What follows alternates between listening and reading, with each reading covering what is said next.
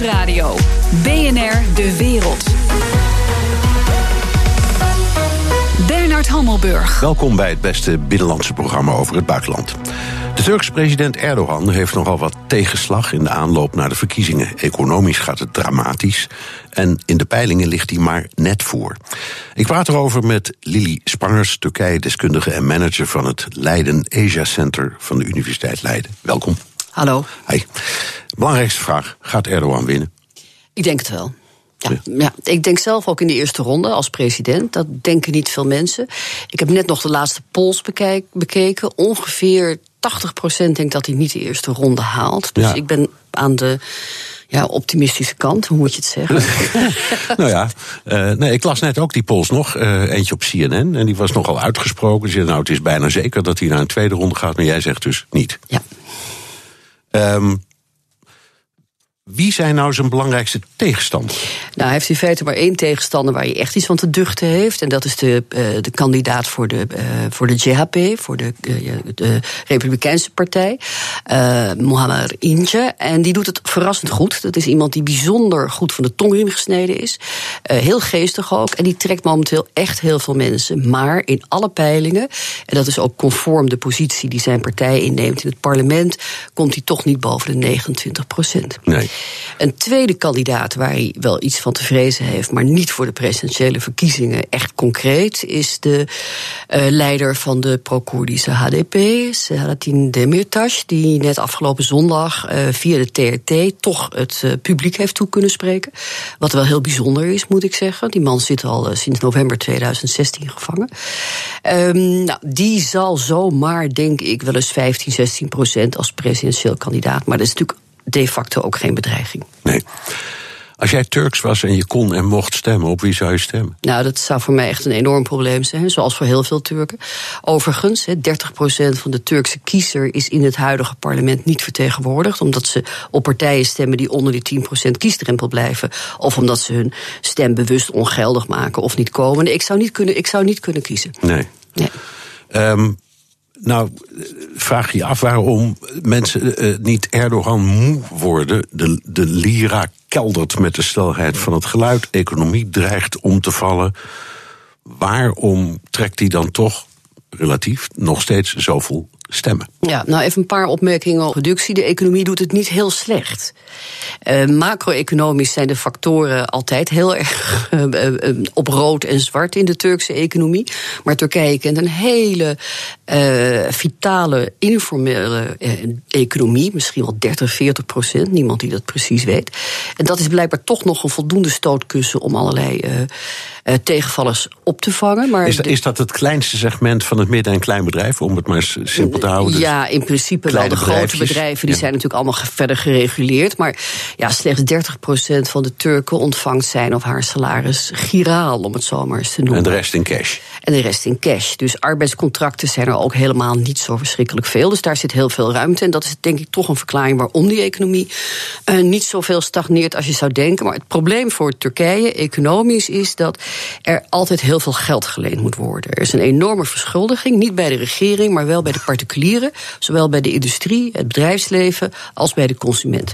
En de rente uh, moet daarom tamelijk laag blijven. Op het moment dat die rente echt gaat stijgen, en die verwachting is er, dat het voor de Turkse banken duurder wordt om geld op die internationale geldmarkt te trekken, dan gaan consumenten en bedrijven dat onmiddellijk in hun portemonnee uh, voelen. Dat zal de inflatie ook opdoen, uh, opdoen lopen. En dat zijn, dat zijn uh, factoren waardoor de Turkse economie kwetsbaar nee, is. En die trend is natuurlijk moeilijk te stoppen, want zowel in de Verenigde Staten als in Europa is de trend ook naar boven ja. met de rente. Ja. Dus daar kunnen de Turken zich uiteindelijk niet aan onttrekken. Nou, dat zul je nog meemaken. Want een van de concrete gevaren volgens mij als Erdogan wint en überhaupt er komt een nieuwe, nieuwe grondwet treedt in werking na deze verkiezingen. Maar als Erdogan president is of als zijn regering toch uh, ja, gaat regeren, ondanks het feit dat ze misschien geen parlementaire meerderheid hebben, dan is uh, het de vraag of de positie van de gouverneur van de centrale bank zo blijft als hij is. Want dat is degene die de rente voedt. En is die net als in uh, de meeste democratieën onafhankelijk? Nog wel. En dat schept een zeker vertrouwen bij de investeerders. Als aan die positie wordt getornd en Erdogan oefent al jaren ja, verbale druk via zijn toespraken en in de media uit op de centrale bank om die rente laag te houden. Als hem dat lukt om die positie te ondergraven en er komt iemand die de rente laag houdt, omdat dat in binnenlands heel erg werkt, dan krijg je problemen. Want dan wordt het voor investeerders veel minder aantrekkelijk natuurlijk om met Turkije leningen te sluiten. En dan zul je merken dat de economie daar echt ja, direct uh, stagnatie en problemen van ondervindt. Um een groot deel, ik geloof 50% van de kiezers of zo, is onder de 30. Dus die, die hebben nooit iets anders meegemaakt dan Erdogan, eigenlijk, een hele, hele generatie. Blijven die ook achter hem staan? Nou ja, net vanochtend is in de Turkse kranten bekendgemaakt dat als Erdogan de verkiezingen wint, dat dan de studenten een flinke premie gaan krijgen. Zo. Per persoon, ja. Nou is dat, ja, dus de afdeling inkoop is stevig aan het werk in deze nou, strijd. Nou is dat niet alleen aan de AK-partij, want de, de, oppositiepartij, de JHP, heeft ook al beloofd dat de bejaarden extra geld krijgen. En andere partijen hebben ook dingen beloofd. Maar dit was het cadeautje vanochtend aan het jonge publiek, zeg maar. Ja, en dat is duidelijk bedoeld om ze naar de dat is absoluut bedoeld, met name om eerste stemmers en studenten zover te krijgen dat ze gaan stemmen en ook op de AK-partij stemmen. Ja, nou eerlijk gezegd, ik, ik, ik, zou het wel weten als ik jong was en in die positie. Ja, nou, kijk, wat, wat ook bij speelt is dat de Turkse uh, partijen zijn georganiseerd langs de lijnen van zogeheten bloedgroepen. Dus mensen die Erdogan steunen, uh, die hebben niet zo heel erg veel keus. Er is een kleinere, nog conservatievere partij, de Saadet Party, die doet ook mee aan de verkiezingen. En ze zouden als rechtsnationalistisch zijn, zouden ze op twee andere partijen kunnen stemmen. Uh, maar ze hebben niet een charismatisch alternatief zoals Erdogan dat nou eenmaal is. Dus ik verwacht dat zijn achterban ondanks misschien gevoelens van teleurstelling en onzekerheid over de toekomst, toch op uh, de president gaat stemmen. Ook omdat veel mensen bang zijn dat als hij weggestemd wordt, als hij niet president wordt, of als de AK-partij echt gaat verliezen, dat er dan politici aan het roer komen die natuurlijk toch niet die ervaring hebben, niet dat gezag uitstralen op het wereldtoneel. Dat speelt voor Turken een enorme belangrijke rol. De, ja, de, de, de ontmoetingen die Erdogan heeft met Poetin, met. Uh, Trump zelfs, eh, met Xi Jinping en zo. Dat vinden ze echt fantastisch. En dat gezag hebben zijn uitdagers niet direct. Ja, je zei net uh, in een tussenzinnetje, hij zal wel winnen, maar ik, ik begreep dat je niet helemaal zeker bent dat, eh, dat de AK-partij ook in de parlementsverkiezingen uh, wint. Wat gebeurt er nu als je een situatie krijgt waarbij die AK-partij niet de meerderheid heeft en Erdogan wel wint? Ja, dan krijg je een hele rare eh, cohabitation, zoals de Fransen dat hebben. Um, Erdogan heeft nog wel een andere mogelijkheid. Als de AK-partij zelf niet de meerderheid heeft, of zelfs maar blijft steken op 40 procent, dan kan hij met een van de nationalistische partijen een, ja, een soort bondje sluiten. Ze hoeven niet echt een coalitie aan te gaan, maar dan kunnen ze wel. Een, een gedoogconstructie. Nee, dat, dat, dat noemen ze dan wel een coalitie, maar het is anders dan bij ons. Geen regeerakkoord, wel afspraken en zo. Dat is de MHP. Maar de MHP die heeft zich nu een beetje afgesplitst. En daar is op rechts een nieuwe kandidaat, mevrouw Merel Akschener. En die, die is uh, ooit geloof ik wel als minister geweest, hè? Ja, ja. ja, ja ze is een politica met een staat van ja. dienst. Zij heeft geprobeerd de MHP uh, daar de leider van te worden. Want Devlet Baceli, de leider van de MHP, is geloof ik onlangs 169 geworden. Dus dat is best wel oud. En uh, die MHP kan dus heel veel stemmen verliezen aan mevrouw Akschener. En dan komen ze misschien niet boven de 10 procent. En dan komen ze dus ook niet in het parlement. En dan heeft Erdogan niks aan ze. Nee. Um in het referendum vorig jaar stemde de bevolking voor het uitbreiden van de macht van de president. Het nieuwe stelsel wordt na deze verkiezingen van kracht.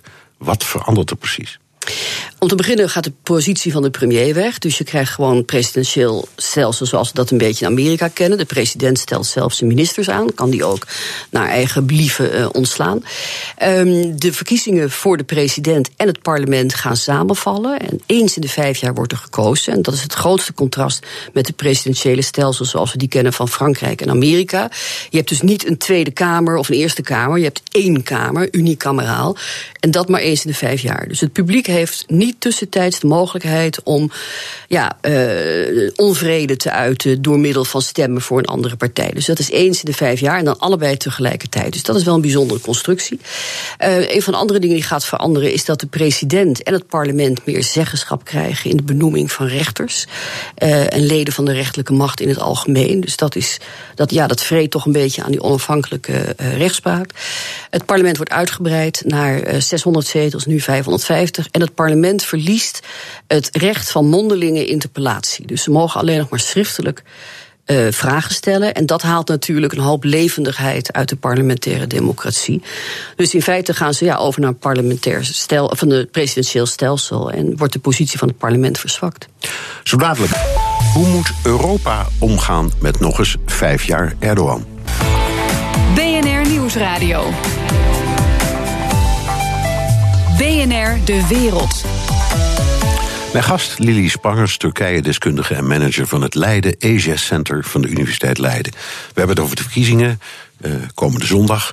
Stel, Erdogan wint weer. En jij zegt die kans is, zit er dik in. Hoe gaat hij zich opstellen tegenover Europa? Ja, dat betekent als hij wint dat hij opnieuw een mandaat heeft. Dus dat hij het gevoel heeft dat hij namens het hele Turkse volk spreekt. Dat is niet het geval, want de helft is tegen hem, maar dat is wel zijn uitstraling. Um, ik denk dat hij uh, nog zelfbewuster over wil komen dan al het geval is. Merkel heeft al aangekondigd dat ze hem op korte termijn wil spreken. Want op de achtergrond speelt natuurlijk nog steeds de vluchtelingendeal. Uh, die voor Turkije eigenlijk ja, nauwelijks iets op heeft geleverd, als je heel eerlijk bent. Maar voor Europa natuurlijk heel erg belangrijk. Nou ja, er zijn uh, hoeveel? Vijf, zes miljard euro is erheen gegaan in afval om het te financieren. Dus er heeft wel iets opgeleverd. Ja, maar dat geldt. En ook wel goed wil. Een beetje goed wil, maar dat geld was al, het is trouwens niet allemaal al uitgegeven, maar dat geld was al bestemd voor Turkije, voor de pre-accessiegelden en wat andere fondsen.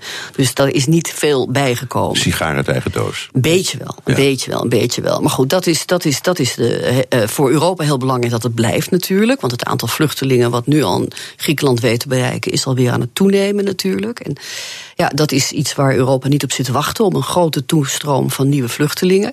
En daar hebben ze Turkije bij nodig. Dus in die zin, en dat weet Erdogan heel goed, heeft hij wel een, machtsmiddel. Aan de Europese kant hebben we niet zoveel machtsmiddelen meer. Kijk, die uitbreidingsonderhandelingen, nou, die staan op een bijzonder laag pitje. En niemand verwacht eigenlijk dat dat nog iets op gaat leveren. En Turkije is wel in hoge mate afhankelijk van de uh, handel met Europa. En zeker van de investeringen van Europa. Maar dat is niet iets wat je in een politiek instrument om kan zetten. Er kan niet gedreigd worden met een boycott of dat soort zaken. Daar is geen enkel Europees politicus of politica met haar gestond verstand voor te porren. Dus dat gebeurt niet. Dus we hebben niet zo verschrikkelijk veel uh, machtsmiddelen tegenover Turkije. En uh, ja, Erdogan weet dat. En ik denk helemaal niet dat hij een uh, tandje minder zal gaan uh, draaien. Ook niet binnenlands. Hè. Mensen verwachten dat hij dan, als hij nu zich veilig voelt met de macht weer voor vijf jaar, dat hij een mildere toon aan zal slaan. Nou, dat verwacht ik eerlijk gezegd helemaal niet. Nee. Dus ik denk ook dat je op het terrein van mensenrechten, vrijheid van meningsuiting, de positie van journalisten, de Koerdische kwestie, die natuurlijk ongelooflijk hoog speelt, dat je daar eerder een verharding van uh, de president en mogelijk ook van zijn regering kan krijgen dan anders. Loop eens vooruit op dat bezoek van Merkel. Wat zou zij gaan zeggen en wat zegt hij? Nou ja, dat weet ik niet. Er is natuurlijk een, een top, hè, een migratietop uh, in Brussel. Um, daar moeten de Europese leiders het met elkaar eens worden over hoe ze die ongelooflijke situatie rond de Middellandse Zee gaan oplossen. We laten het nu allemaal lekker over aan Griekenland, Italië. Daar moet gewoon wat meer solidariteit komen. Nou, dat zal vanuit Midden- en Oost-Europa zal dat gewoon echt niet gebeuren. Dus de Europese leiders staan voor uh, ja, een ongelooflijk complex vraagstuk waar geen politieke uh, overeenstemming over te vinden is binnen Europa. Dus dat betekent dat ze die vluchtelingendeal met Turkije heel zorgvuldig moeten benaderen. Dus ik denk dat uh, Merkel uh, een verzoenende toon ten opzichte van Erdogan toch aan zal slaan. Omdat ze de Turkije gewoon nodig heeft om te voor, ja, voor te zorgen dat het hier in Europa natuurlijk niet. En wat zegt hij dan terug? Hij? Ja. Nou, hij zal het in dank aannemen. En hij zal zeker ook tonen dat hij minder gevoelig is voor bijvoorbeeld druk om mensen vrij te laten. Er zit natuurlijk een aantal prominente gevangenen uh, zit er in Turkije vast. Uh, waaronder de voorzitter van de Turkse Amnesty. En daar is heel veel druk internationaal om hem vrij te laten. Zijn zaak dient toevallig. Uh, eerder zijn er andere Duitsers, zijn er Duitsers ook wel vrijgelaten. Maar die instrumenten, die druk, dwangmiddelen, die nemen eigenlijk een beetje af. En dat is denk ik wat er dan uitstekend uitkomt. Ja, heel lang dachten we, uh, Turkije is bijna lid van de EU. Of in elk geval het schurk tegen ons aan. En wat voor constructie dan ook. Hoe zie je de komende vijf jaar die relatie ontwikkelen? Wat voor soort relatie wordt het? Nou, kijk, formeel zijn er nog onderhandelingen gaande. Dat stelt niet zo heel verschrikkelijk veel voor. Maar zolang dat nog het geval is, houdt Turkije de status van kandidaat lidstaat. En dat zou betekenen dat op een gegeven moment Europa zegt: Nou, dit wordt niks meer. We gaan aan een andere, ander soort relatie toewerken. Maar dan moeten ze formeel aangeven dat ze de onderhandelingen opschorten. Helemaal stoppen zullen ze niet doen. Of Turkije moet zeggen, we stoppen ermee. Dat gaat Turkije niet doen. Want die onderhandelingen met Europa, of die, die, die, die status van kandidaatlid, levert hen een enorme statuur op. Ook economisch natuurlijk. Het is toch ook voor investeerders een, ja, nog steeds een soort keurmerk dat ze op weg zijn. En dat ze zich conform de markteconomie opstellen en al dat, dat soort zaken. Dus van de, de zijde van Turkije zullen ze die banden niet zo snel uh, formeel uh, afbreken. Maar het verwatert natuurlijk steeds meer. En dat omdat ze nog wel om de hete brei heen draaien, heb je ook niet de mogelijkheid om die relatie met Turkije op een nieuwe leest te schroeien. Wat eigenlijk zou moeten, want we hebben Turkije nodig, we zijn grote buurlanden, er wonen in Europa wonen er 4 miljoen uh, mensen met een Turkse achtergrond. Dus dat is toch ook van belang dat die, uh, ja, die, die hechten heel veel belang aan die goede relatie met Turkije. In Nederland, Duitsland, Oostenrijk, België. Uh, dat is denk ik ook belangrijk. Turkije is een grote markt, we kunnen er goed zaken mee doen. We gingen er op vakantie, misschien nu wat minder. Dus die, het is echt gewoon een heel, heel belangrijk buurland. Um, en daar zal toch gewoon aan die relatie constant gewerkt moeten worden. Nou, zegt uh, Erdogan uh, op verschillende manieren steeds: we kunnen eigenlijk best zonder jullie. Ja. Uh, hij ziet Turkije een beetje als een centrale speler.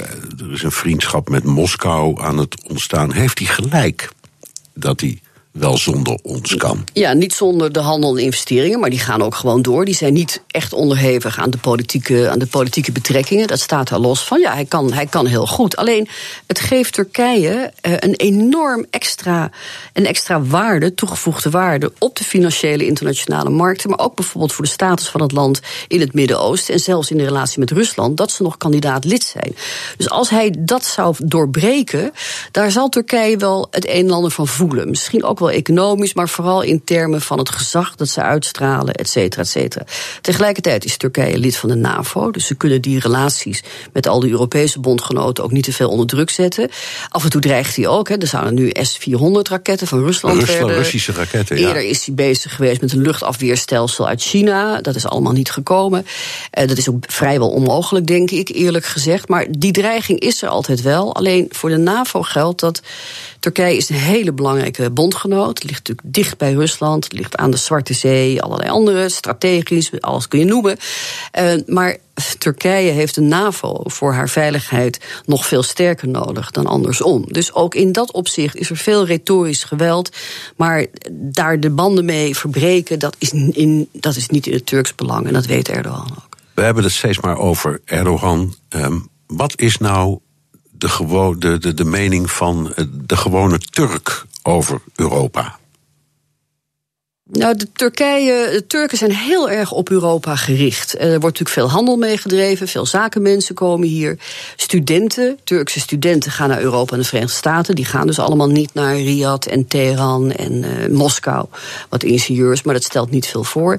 Maar de Turken voelen zich wel gekwetst door de voortdurende afwijzing uit Europa. En het thema van islamofobie in Europa wordt door Erdogan ook in de verkiezingen voortdurend uitgebuit. Dus dat vinden veel Turken nemen daar terecht en begrijpelijk ook aanstoot aan. Uh, maar in feite is Europa voor hen toch nog wel de maatstaf waar langs ze hun eigen land ook liggen. Ja.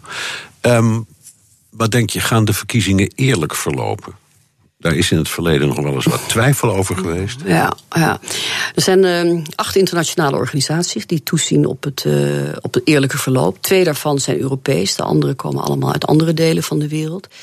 Uh, er is net een rapport van de uh, uh, OVSE uitgebracht over de voorbereidingen van de verkiezingen. Die worden al als oneerlijk en ja, niet, niet open concurrentie bestempeld. In, in welk opzicht? Het, het monddood maken van potentiële tegenkandidaten? Ja, en de verdeling van televisietijd, die natuurlijk heel erg ja. ten gunste van de zittende regering uitvalt. Ook omdat de meeste televisiezenders op de hand zijn van de AK-partij en Erdogan. Dus daar is geen level playing field, zoals het heet. maar de angst is vooral dat in het Zuidoosten, wat in feite afgesloten is voor waarneming en voor journalisten. Uh, daar is al gerotzooid met de plek waar de stembussen staan. Dat is niet meer in pro-Koerdisch gebied. Het is natuurlijk allemaal Koerdisch gebied, maar dat is in, in gemeentes die vooral in handen zijn van de AK-partij. Dus dat zal voor sommige Koerden wat minder makkelijk zijn uh, om naartoe te gaan. Uh, er is grote zorg over de veiligheid van de mensen die gaan stemmen. Of er geen aanslagen komen, hoe dat allemaal verloopt. En vorig jaar is er uh, bij het referendum zijn er, even uit mijn hoofd, ik dacht 30.000 ongestempelde biljetten uh, tussen de telling gekomen. Een biljet wordt gestempeld als iemand het ophaalt. En zo'n stembureau houdt dan biljetten open, over. Die moeten ze vernietigen. Maar die waren erbij gegaan. En ik denk dat dat door de internationale waarneming en door het feit dat je in het Westen vooral toch ook heel veel verschillende partijen hebt met mensen die dat dan wel een beetje gemengd in de gaten houden. In het ja, in het oosten, het zuidoosten is de situatie veel anders, veel meer isolement. Dus ik denk dat als er ja, stemfraude gepleegd wordt, dat dat dan daar vooral gebeurt. En ik denk dat dat buiten de waarneming van wie dan ook ja, valt. Ook van die acht controlerende organisaties. Ik vrees van wel. Ja. ja. En, maar hoe zijn we daar dan toen achter gekomen? Want dat uiteindelijk is het gebleken. Uiteindelijk is het gebleken. Die 30, nou, die zijn dus bij een, een, een controletelling, zijn die dus gewoon, uh, die zijn gewoon gezien. Uh, en daar is natuurlijk bezwaar tegen gemaakt. En uiteindelijk heeft de, uh, de Hoge Raad voor de, de Hoge de Kiescommissie heeft ge, gezegd dat die wel, wel golden. En dat wordt nu natuurlijk voortdurend naar voren gehaald als een argument van verloopt dit wel eerlijk natuurlijk. Ja. Erdogan heeft moeten slikken dat Turkse ministers geen campagne meer kunnen voeren in Europa. Is dat een dreun of versterkt dat nu juist de Turkse gemeenschap in Europa? Ja, heel veel uh, Turkse Nederlanders zijn verontwaardigd dat dit niet kan. Die vinden dat een aantasting van hun uh, vrijheid van meningsuiting, van hun mensenrechten. Uh, het alternatief is een enorm grote rally geweest in Sarajevo, waar er dan ook enorm heeft uitgehaald naar de dubbele uh, ja, de dubbele uh, maten uh, van de Europese Unie. Dat ja, vrijheid van meningsuiting blijkbaar heel belangrijk is. Maar dat Turkse ministers geen, ja, geen campagne mogen. Nee, maar je zou dus veronderstellen dat. Um, dat verbod hem juist versterkt in plaats van verzwakt. Bij sommigen zeker. Ja, bedoel, hij hoeft ook niet te komen om die stemmen te winnen. Dat is een ongelooflijk loyale achterban en die eigenlijk alleen maar op Erdogan stemmen of niet. Uh, in Nederland was dat dus uh, bij de laatste verkiezingen in november 2015 67 procent van de mensen die opkwamen. De opkomst ja. is, uh, ligt rond onder de 50 procent. Dus dat is niet zo dat 67 procent van alle hier wonen. Bla, bla, bla, Heel belangrijk om te zeggen, vind ik altijd. en ik verwacht niet dat dat percentage substantieel veel minder zal zijn. Nee. Dank. Lili Sprangers, Turkije-deskundige en manager van het Leiden Asia Center van de Universiteit Leiden. BNR Nieuwsradio. BNR De Wereld. Bernard Hammelburg. Politiek opportunisme van een paar Zuid-Duitse politici veroorzaakt schokgolven in het hele continent. Het migratievraagstuk is helemaal terug van weg geweest. En zelfs een overhaast belegde top in Brussel komt deze zondag. Zonder de rommelende onderbuik van Beieren zou die top er zeker niet zijn geweest. Europa-verslaggever Jesse Pinster. Wie zijn de politici, die politici en waarom bepalen ze het hele debat?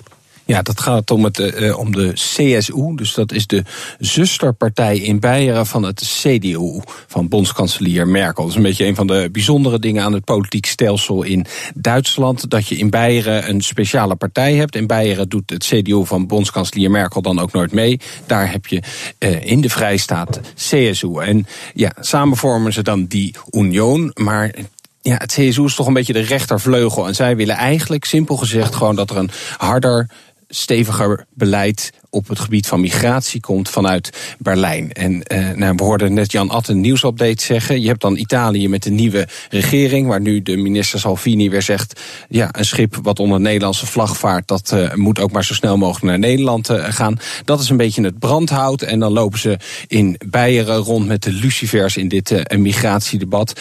Het vreemde is echter dat het eigenlijk ze niet zozeer gaat om die vluchtelingen. Ze maken daar wel een punt van, maar het draait eigenlijk om de verkiezingen op 14 oktober in de deelstaat Beieren. Waar uh, ja, de, het alternatief voor vuur Duitsland in opkomst is.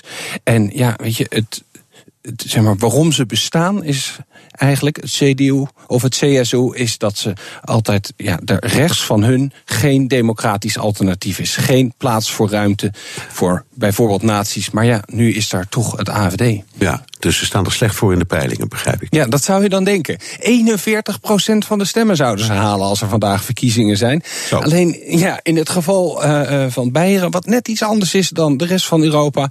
Uh, ja, zij vinden eigenlijk dat ze alleen maar bestaansrecht hebben als ze op 50% of meer zitten. Dat zijn ze ook wel een beetje gewend daar. Want al sinds de jaren 50 hebben ze ja, een soort alleenheersers zijn het eigenlijk uh, in Beieren. Dus dit wordt gewoon gezien als een, uh, ja, een, een groot probleem.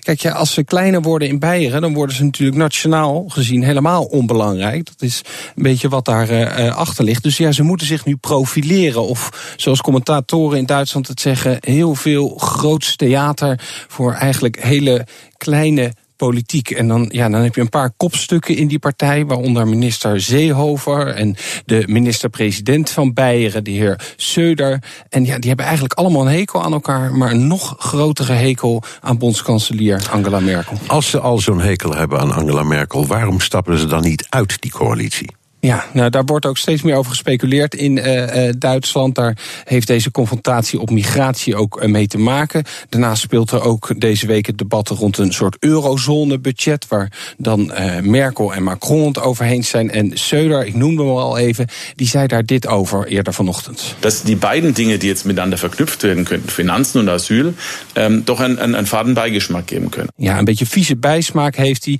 want hij heeft het gevoel dat al die verschillende Europese onderwerpen door Merkel een beetje tegen elkaar uitgereld wordt. Maar wat hier ook een beetje aan de hand is, is dat er een beetje een grootheidswaanzin bij deze partij lijkt te zijn ontstaan. Er is een peiling geweest en dan zeggen ze, uh, wordt in gezegd dat als deze partij niet meer alleen in Beieren, maar in uh, heel Duitsland mee gaat doen, dat ze 18% van de stemmen kunnen halen. De tweede partij van het land kunnen worden. Dus ze hebben het idee dat ze nu met een vuist op tafel kunnen slaan.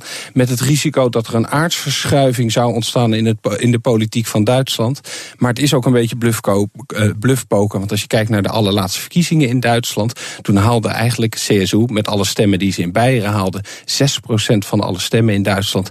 En dat zit wel akelig dicht bij de kiesdrempel in Duitsland van 5%. En als ze dat niet zouden halen, dan zouden ze in hun eentje helemaal verdwijnen. Dankjewel, Jesse Pinster, onze Europa-verslaggever. The Donald Show. Tijd voor een update over de United States of Trump met Jan Posma, ons correspondent in Washington. Jan, het was de week van de immigratie en kinderen in kooien. Dat was niet gemakkelijk voor Trump.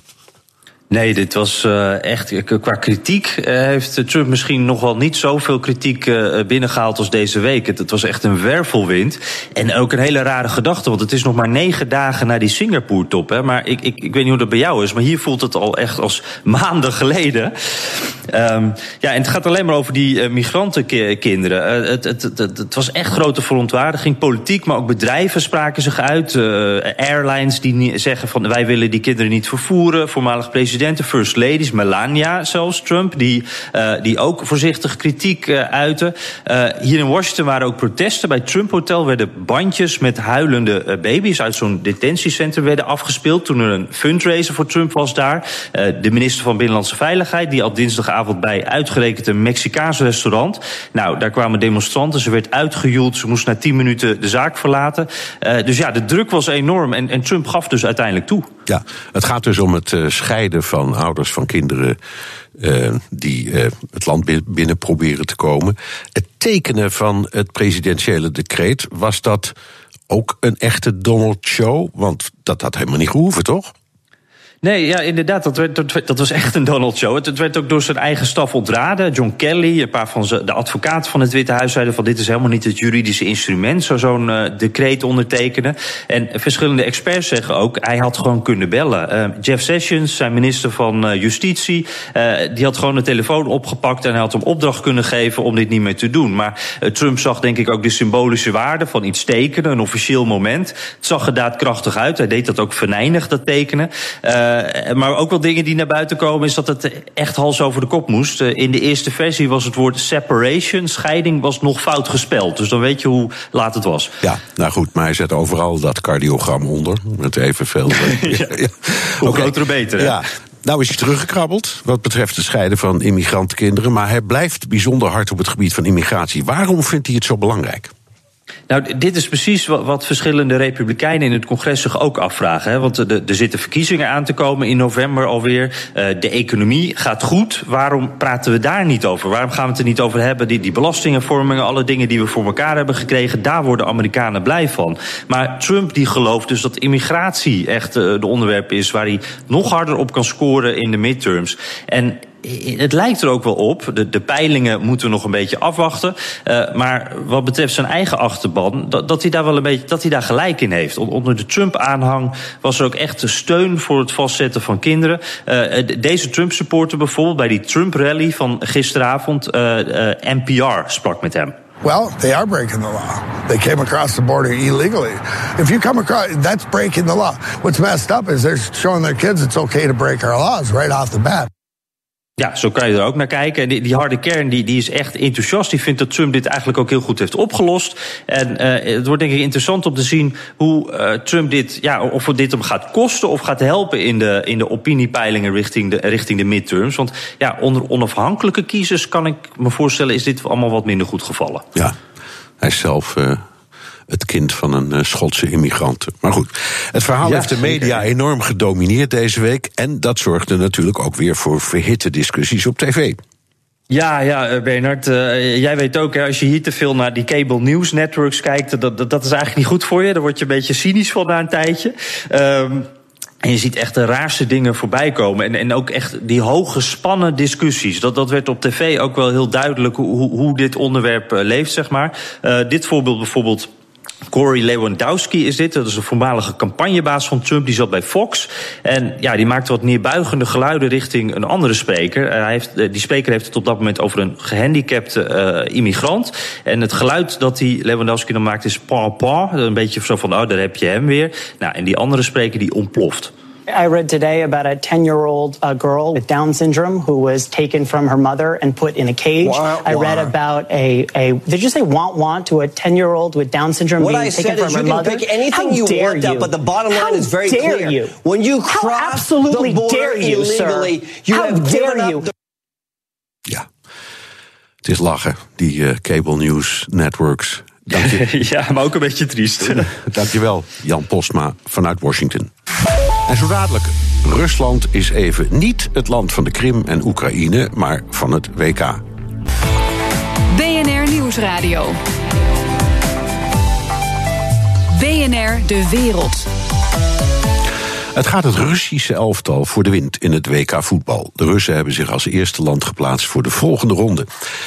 Maar van echte voetbalgekte onder de Russen is niet zoveel te merken. En Poetin verwelkomt vooralsnog vooral dictators en alleenheersers op zijn toernooi. Is het Russische WK vooral een feestje van de autocraten? Ik praat erover met Hubert Smeets, oprichter van Raam op Rusland en verbonden aan NRC Handelsblad. Hallo Hubert. Goedemiddag. Uh, eerst even nieuws. Uh, John Bolton, de veiligheidsadviseur uh, van Trump, gaat naar Moskou om een ontmoeting tussen Trump en Poetin voor te bereiden, meldt persbureau Reuters. Gaat het ervan komen? Dat denk ik wel. Um, Trump heeft ten opzichte van Poetin toch wel een succesje geboekt in Singapore in zijn confrontatie en afspraken met zijn akkoord met Kim. Daarmee heeft hij eigenlijk, zou je kunnen zeggen, Rusland, wat een soort van voet tussen de deur had in dat hele uh, Koreaans uh, wereldconflict, heeft hij uh, Poetin toch eigenlijk wel een klein beetje teruggedrukt. Ik denk dat Poetin er alle belang bij heeft om, uh, om weer die voet tussen de deur te krijgen, ook in het uh, Koreaanse conflict. Ja, kan ook best zijn dat Poetin denkt: het is goed als daar een beetje rust in de tent komt. Dat is ook in mijn belang. Jazeker, Poetin is natuurlijk niet iemand die denkt van na mij de zondvloed. Hij is wel degelijk ook gericht op concrete Russische belangen. En die zijn daar uh, evident. Ja. Want ja, Noord-Korea is een klein buurland van Rusland. En een klant. En ja, en een klant en een leverancier van dwangarbeiders. En dat was in de aanloop naar de wereldkampioenschappen voetbal niet onbelangrijk. Wat een mooi bruggetje, dankjewel. Het, dat WK is nu bezig. Uh, Rusland is door, maar uh, een soort ja, uh, variant van oranje koers, Russische oranje koers, dat zie je er toch niet echt. Vinden Russen het gewoon niet leuk? Of hebben ze het voetbalvirus niet zoals wij dat hebben? Nou, we zijn pas twee wedstrijden bezig. Um, en dat uh, daar niet meteen hele wijken, in hun geval in het rood-wit-blauw ook, worden opgesierd. en iedereen buiten bij de barbecue een glas wodka drinkt. Dat is niet zo gek. Dat gebeurt eigenlijk alleen in Nederland, laten we eerlijk zijn. Zelfs in België is men wat nuchterder als het gaat om de Rode Duivels. Nou ja, de Duitsers, de Spanjaarden, de, ja, de Engelsen, die, ja, die, gaan wel uit ja, Dan heb je het over de echte voetballanden, uh, waar ook een lichte hysterie niet vreemd is aan de volksaard, zou je kunnen zeggen. Als het voetbal betreft. Ja, als het voetbal betreft, ja. En dat is in Rusland zeker niet het geval. Uh, voetbal is in Rusland wel een belangrijke sport, maar niet de eerste sport, laten we eerlijk zijn. Maar. Wat is dat? IJshockey? Ja, op dit moment ijshockey. Het hing vroeger altijd een beetje af van uh, de partijleider in het Kremlin. Hè. Brezhnev was een, een echte ijshockeyer. Dat was ook de gouden tijd van het Russische ijshockey... onder leiding van de roemruchte coach Tiganov. Um, Gorbachev heb ik eigenlijk nooit op enige belangstelling voor sport kunnen betrappen. Yeltsin was een uh, tennisser. Uh, was trouwens ook niet helemaal toevallig de gouden tijd van de Russische tennissers. Um, met Viedev bijvoorbeeld. En, nou, en nu hebben we een, een, een, een, eh, een president die van judo houdt. Maar voetbal is wel, hoort wel bij de top 5 van het Russische sportbewustzijn. Waar we niets van zien of horen is de uh, beruchte Russische voetbalhooligans. Die zagen we uh, bij het EK in Marseille wel. Toen ze in militaire formatie de Engelse fans in elkaar trapten. Waar zijn ze, die hooligans? Die hooligans um, zitten thuis of die um, opereren, zou je kunnen zeggen, incognito. Een Russische sportjournalist, zeer goed ingevoerd is in de, in de vandalenwereld, de voetbalvandalenwereld.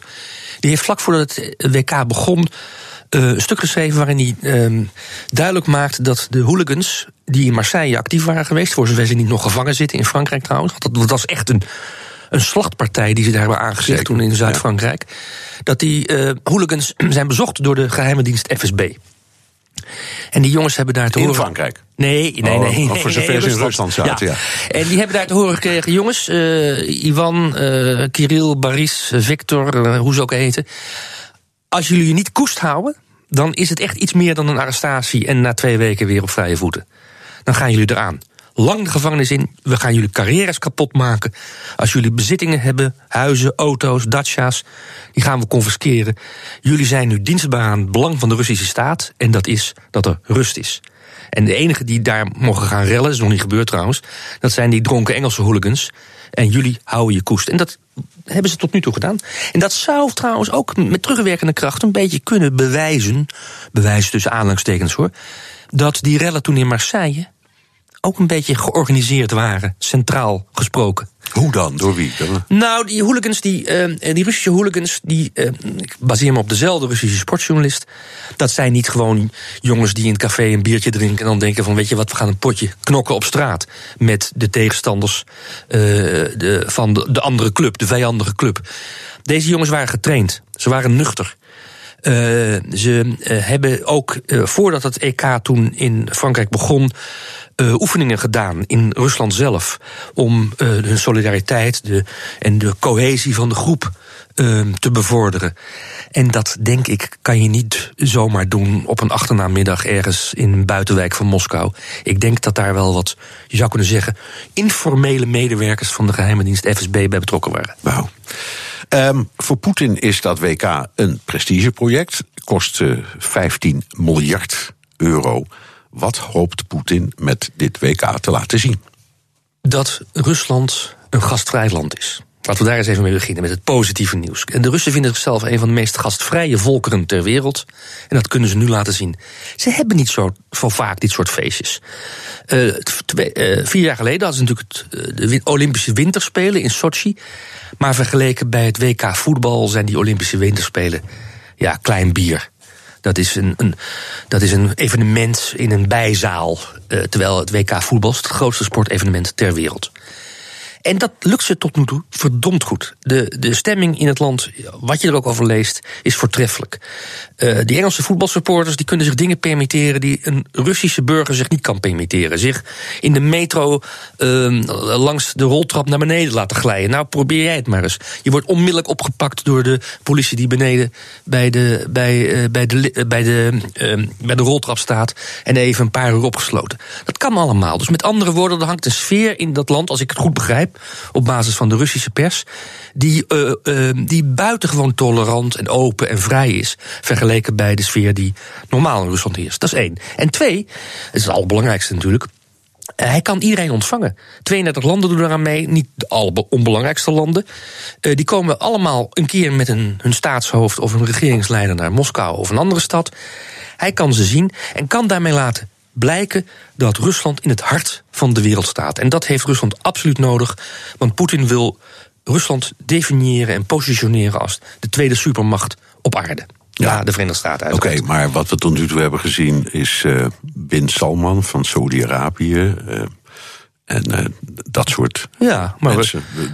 Ik, ik heb nog geen westerse leider of westers kopstuk of bobo of zo gezien. Nee, maar we hebben straks de achtste finale, de halve kwartfinale, de halve finale en de finale. Stel nou dat de finale is, ik noem wat, Brazilië, uh, Frankrijk. Ja, dan komen daar toch uh, Temer en, en Macron. Of stel nou dat Duitsland zich herstelt, dan komt daar Merkel. Dat is een ongelofelijke politieke slag voor Poetin. Want dan is hij de gastheer. Hij gaat tussen ze in zitten. Feliciteert iedereen bij het doelpunt van de andere. Uh, van de eigen partij of de tegenpartij. Troost hij uh, de betrokkenen. En hij staat dan gewoon in het middelpunt van de wereld. En dat is voor hem van groot belang. Want dat, zoals ik al zei, dat gebeurt hem niet zo vaak. Hij wordt met name door de, je zou kunnen zeggen, de westerse democratische wereld toch een beetje. Uh, genegeerd en verwaarloosd. En hij maakt op deze manier duidelijk dat de, het wereldkampioenschap voetbal niet alleen maar, je zou kunnen zeggen, uh, een privilege is van de democratische westerse wereld, maar dat ook Rusland daar een rechtmatige plek in speelt. Ja, en is dat, dat is voor hem, dat begrijp ik, dat is natuurlijk heel belangrijk. Uh, is dat iets wat het volk, of in elk geval uh, de media, de elite, ook met een meedenkt en voelt? Ja, absoluut. De, eigenlijk is, zou je kunnen zeggen, is er in de door de eeuwen heen, ja, sorry dat ik een beetje begin te overdrijven, maar dit is eigenlijk niet eens een overdrijving. Door de eeuwen heen is er in Rusland altijd um, het gevoel geweest: wij worden niet serieus genomen door het Westen. Want Rusland kijkt naar het Westen, niet naar het Oosten. En dat doet Rusland eigenlijk al sinds Peter de Grote. En tegelijkertijd hebben ze al sinds Peter de Grote het gevoel: ze zien ons niet staan. En dat geldt niet alleen voor Poetin, dat geldt ook voor de gewone Russen. En die zullen dat uh, nu ook zo ervaren. Dat zie je ook uh, in de pers. Um, niet alleen de regeringsgezinde kranten en websites en, en zeker televisiestations juichen over het tot nu toe over het succes van het WK voetbal. Ook uh, regelrechte uh, oppositiekrantjes uh, of website juichen mee. En allemaal roepen ze overwinning, hoera, geweldig. Dat soort woorden ook. Uh, die zich niet onderscheiden, die woorden die, die zich niet onderscheiden van de woorden die de staatstelevisie gebruikt. Dus met andere woorden, ik denk dat er op dit moment alleen maar ja, je zou zeggen, knalharde, doorgewinterde dissidenten uit de jaren 60. die zich niet trots voelen op het feit dat er een WK is. Nee, we hebben het er wel eens eerder over gehad. maar ik heb uh, wel eens meegemaakt in de Verenigde Staten. onder een groep uh, Russen die daar vrijwel helemaal waren opgegroeid, opgevoed naar Harvard waren geweest. dus helemaal voor Amerikaans. En aan mij vroegen: kun jij ons nou als Europeaan uitleggen waarom jullie, het Westen, zo'n hekel aan ons heeft? Terwijl die mensen daar deel van uitmaakten. Dat vond ik zo frappant. Begrijp jij dat? Ja, uh, dat heeft te maken met, uh, om het even in een, in een, in een, zeg maar een woordenboekachtige zin uit te leggen. In Rusland heb je twee woorden voor het woord vaderland of moederland. Rodina, dat is Rodina, moederland. Ja. Dat, is, dat is de heimat, op, op, op zijn Duits te zeggen. We hebben daar in het Nederlands geen woord voor. En je hebt vaderland, dat is de staat, Rusland. En um, hoe je ook politiek ten opzichte van de regering in het Kremlin staat. Die heimat, de Rodina, het moederland, trekt altijd. En het doet er ook niet toe wie er de baas is in Moskou. Jij bent verbonden met dat moederland. En dat maakt niet uit of je in Amerika woont en daar opgevoed bent, in Nederland uh, werkt of studeert, dan wel in Rusland zelf woont. Ik denk zelfs dat, maar dat geldt natuurlijk voor meerdere volkeren, dat Russen in Rusland zelf kritischer zijn op hun eigen land dan Russen buiten ja. Rusland. Uh, Poetin was in uh, Oostenrijk en daar zei hij: een verenigd Europa is belangrijk voor Rusland. Kan, kan hij dit WK ook gebruiken om de banden met Europa een beetje op te poetsen? Ja, zeker. Uh, hij kijkt natuurlijk eerst met grote belangstelling naar de ontwikkelingen die je net in de uitzending had rondom het asielbeleid van Europa en met name de, de toekomst, het lot, het noodlot misschien wel van Angela Merkel. Um, hij heeft Europa nodig als economische afzetmarkt. Hij zei in dat interview ook: ik ben ook niet gek, hè? 40% van onze um, reserves is geïnvesteerd in euro's. Dus als Europa in elkaar sodemietert, uh, dan sodemietert ook mijn deviezenpot in elkaar. Dat is één. Twee, hij blijft wel koersen op een verdeel en heers binnen Europa. Dus hij is zeer tevreden met de nieuwe, de nieuwe Italiaanse regering. Hij is buitengewoon tevreden met de Oostenrijkse regering, waar de FPE, zusterpartij van de PVV, in, de, in het kabinet zit. Dus wat hij bedoelt te zeggen is. Europa als markt, als economisch blok, is voor ons ongelooflijk belangrijk, omdat de EU een handelspartner is van het grootste gewicht voor Rusland. Maar Europa als politieke eenheid, nee, dank u. Dat wil u niet. De, de sancties uh, tegen Rusland zijn verlengd door Europa. Denkt hij dat hij met een soort voetbaldiplomatie daar ook toch iets aan kan bijschaven? Ja, ik denk dat hij in geval hoopt dat de rol van de annexatie van de Krim in dat sanctiebeleid van Europa een ondergeschikte rol gaat spelen. Ik denk dat Poetin wel bereid is tot wat concessies als het gaat om de oorlog, eh, de strijd in Oost-Oekraïne, waar Rusland gewoon een actieve rol speelt. Maar dat hij vooral wil voorkomen dat de Krim lang op tafel blijft en als argument gebruikt blijft worden voor die sancties. En dat zou heel goed kunnen dat hij daar in het, Europees, eh, in, in het Europese verband. En zeker als um, het Europese voetbal-establishment uh, naar Moskou komt, dat hij daar een klein, ja, een, een, klein punt van kan gaan maken. Want laten we eerlijk zijn, ook in Nederland is. Wij hebben toch tenslotte MA17 op ons bord liggen. Maar ook in Nederland is de annexatie van de Krim niet meer het belangrijkste argument voor die sancties tegen Rusland. In de publieke opinie bedoel ik. Dankjewel, Hubert Smeets, oprichter van Raam op Rusland en verbonden aan NRC Handelsblad. Je bent hier vanmiddag, je was hier vandaag op speciaal verzoek van Freek Ewals. Dat was zijn afscheidswens, want we nemen afscheid van hem. Acht jaar lang is hij de ziel geweest van BNR De Wereld. En uh, we zien hem nodig gaan en we wensen hem heel veel geluk. Tot zover BNR De Wereld. Terugluisteren kan via de site, de app, iTunes of Spotify. Tot volgende week.